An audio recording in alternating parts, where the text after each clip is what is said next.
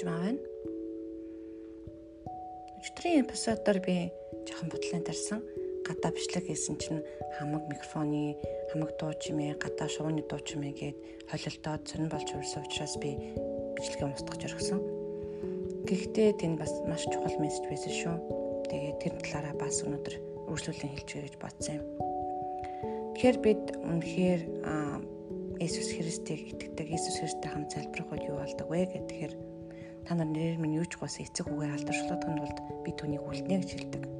Миний хийдэг үйлсээс бас хийх бүгд эдгээрээс агуу ажлуудыг хийх болно гэж Иесус Христ өөрөө Иохан ном дээр 14 дээр хэлсэн байдаг. Тэгээ энэ бүгдийг хин гэнэ үү? Иесус ч хүмүүсийг үхлээс амьлуулж байсан. Хэдэн 4 5 мянгаар хүмүүсийг баг 10 20 мянгаар нь хооллож байсан. Усан дээгүүр явж байсан. За тэгэл олон өвчнийг эдгэж эдгэж олон чөтгөрийг хөөн зайлуулж бас хүмүүсийг сургаж багшаалж менторлож түн хийгээгүй байхгүй дээрсэн цоор ямар ч гэм зөнгөө байсан шүү дээ. Тэгээ бид нартай хамт ажилладаг. Бид нартай хамт залбирлын үед хамт үлддэг гэж хэлсэн. Тэгээд хүмүүс асуудаг. Христээ дээр дээр баруун талд байгаа. Бид нар тарай арван сус байгаа. Ерөөсөө ажилт юм уу? Бид хаана юу хийгээ байж дим бэ? Эсвэл бид дээр байгаа мó, доор байгаа мó гэх мэтлэн олон хүмүүсийг асуудаг. За би дараачлын ишлэгийг уншиж өгье. Эфес 1-ийн 20-оос 21. Тэр Христ дотор энэ л хүчээр нөлөөж түүнийг өгсдөө самлуулаад Тэнгэрлэг оршихуд баруун гартаа заалж бүх засаглал, эрх мэдэл, хүч, ноёрхол, түнжлэн энэ үедэдэг үерх үед нөлөөлөх альвар нэрээс дээгүр болгожээ. Бурхан түүний нэрийг альвар нэрээс дээгүр болгосон. Христээр амьдуулсан дараа дахин Үнэхээр бүхээ дахин амьсан дараа Эфес 2-ын 5-6 дахиж уншиж өгье. Алдаа зурчил дотроо өгсөн бидний Христтэй хамт амьд болгосон юм. Алдаа зурчил дотроо өгсөн бидний бид үнэхээр гимнүүл дотроо өгсөн боловч Христтэй хамт амьд болгосон. Та нар нэгүслэр аврагдсан билээ. Есүс дотор бидний түүгээр амьлуулж түүнтэй хамт Тэнгэрлэг оршихуйд суулгасан. Яг үнэндээ энэ залбирлыг хийх үедээ хаана байгаа бэ гэхээр бид нар Есүстэй хамт Тэнгэрлэг оршихуйд Бурхны баруун гарталд сууж байгаа. Энийг мэдхэд ойлгодог болоход хэцүү шүү. Би бол мэддэг.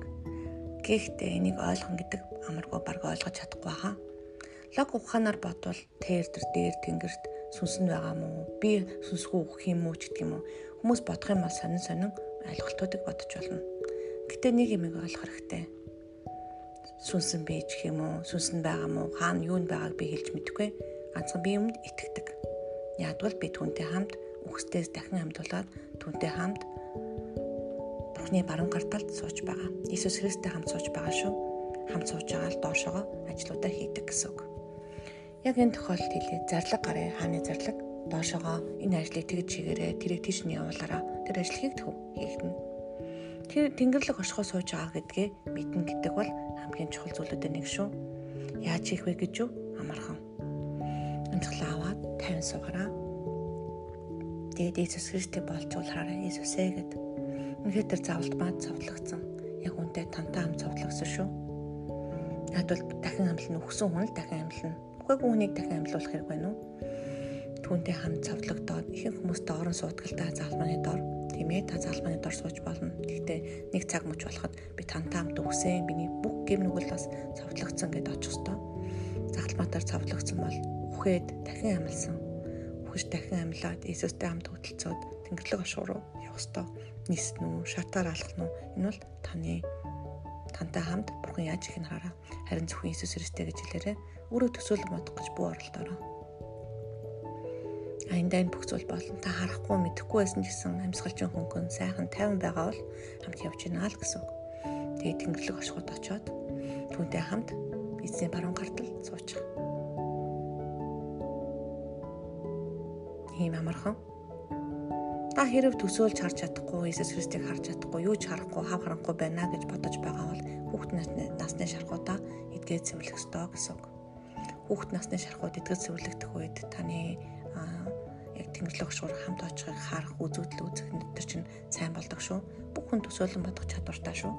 Төсөөлж юусаа харж чадахгүй байгаа бол тань шарах байна гэсэн үг.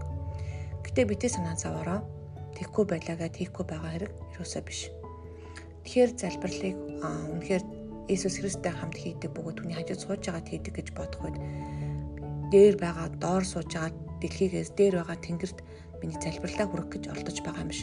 Зүгээр л чихэнд нь хоёлаа хамт хэлж байна гэсэн үг. Таны залбирлыг Иесус Христ шууд сонсдоо гэсэн үг. Сонсгоор барахгүй хамт хийдэг гэсэн үг шүү.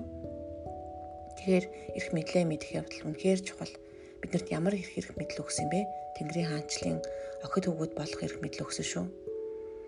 Тэгэхээр энэ зүйлийг бити их логкор бодож олох гэж хичээгээрэй. Зүгээр л итгэхэд болно. Тийм учраас бид нарыг итгэгчч гэдэг. Би математикийн ухааны доктор хүн хэрв логик бодох юм бол энэ хүүхчиг итгэдэггүй болчихно гэсэн. Ингиж болохгүй тэгэж болно. Ингүүл юу гэсэн үг вэ гэж судлах юм бол хачин хачин болж хуурна. Бити тэгээрээ бахан астра ямар ч юу дээ. Янз янзын бодож олоо зав хүмүүсээ. Зүгээр л Библийн ишлэлд хүүхчиг итгэхэд болно. Тийм учраас бид нарыг итгэж гэдэг. Эзэн Есүс Христосийн нэрээр та бүхэнд мэдлэгийн болон мэрэгэн ухааны илчлэлтийн сүнсийг өгөх болтугай. Амен.